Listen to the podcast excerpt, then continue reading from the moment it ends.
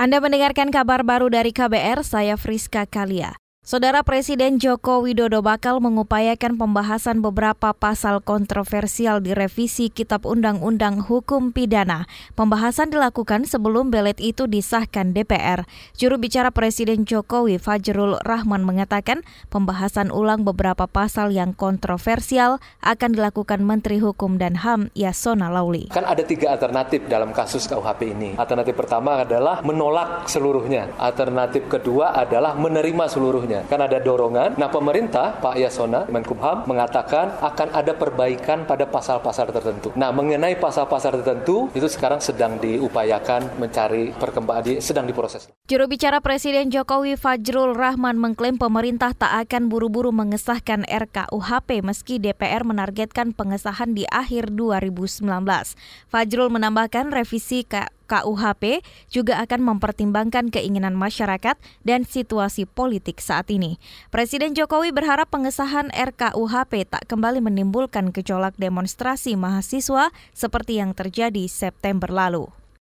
Sementara itu, Menteri Koordinator Bidang Politik Hukum dan Keamanan Mahfud MD mengklaim konsisten mendorong Presiden Joko Widodo menerbitkan peraturan pemerintah pengganti undang-undang untuk membatalkan undang-undang KPK hasil revisi. Namun, Mahfud menyerahkan kewenangan penerbitan Perpu KPK kepada Presiden Jokowi. Saya kira itu kewenangan Presiden. Kita sudah menyatakan sikap masing-masing, termasuk sikap saya. Saya mendukung Perpu, kan gitu. Bahwa Presiden tidak, kan kita tidak bisa maksa. Termasuk termasuk termasuk yang tidak setuju juga tidak bisa maksa gitu kan? Kita sudah menyatakan pendapat pada waktu itu. Lah sekarang sudah jadi menteri masa mau mau menantang itu kan? Kan sejak awal sejak sebelum jadi menteri pun saya katakan itu wewenang presiden. Tapi kita mendukung perpu kan begitu.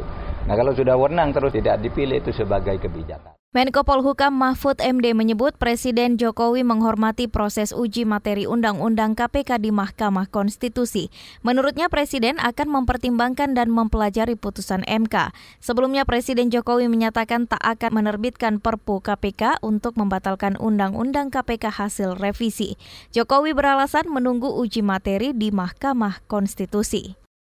Kita beralih ke informasi lain, Komisi Pemilihan Umum mengungkapkan ada lima kabupaten belum menandatangani naskah perjanjian hibah daerah sebagai sumber dana pemilihan kepala daerah.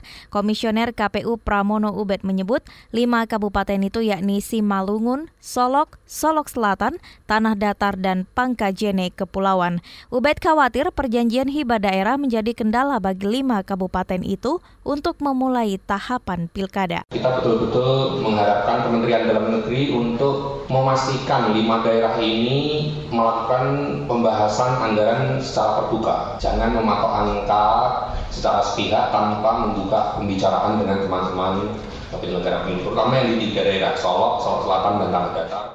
Komisioner KPU Pramono Ubed menambahkan faktor belum ditanda tanganinya naskah perjanjian hibah bukan karena ketersediaan anggaran. Saudara kita menuju ke Banyuwangi, Badan Penanggulangan Bencana Daerah BPBD Banyuwangi merekomendasikan BKSDA Jawa Timur membuka kembali jalur pendakian di Gunung Ijen. Kepala Bidang Kedaruratan dan Logistik BPBD Banyuwangi Eka Muhara mengatakan BPBD telah mengirimkan rekomendasi ke BKSDA Jawa Timur terkait pembukaan kembali jalur pendakian itu. Karena saat ini jalur pendakian Gunung Ijen aman dari karhutlah sudah kita usulkan ke BKSDA untuk membuka kembali jalur pendakian menuju puncak kawah Ijen agar aktivitas perekonomian, aktivitas pariwisata di mana di sana banyak sekali kehidupan dan penghidupan diharapkan gitu ya itu bisa bisa aktif kembali. Jadi target sudah selesai.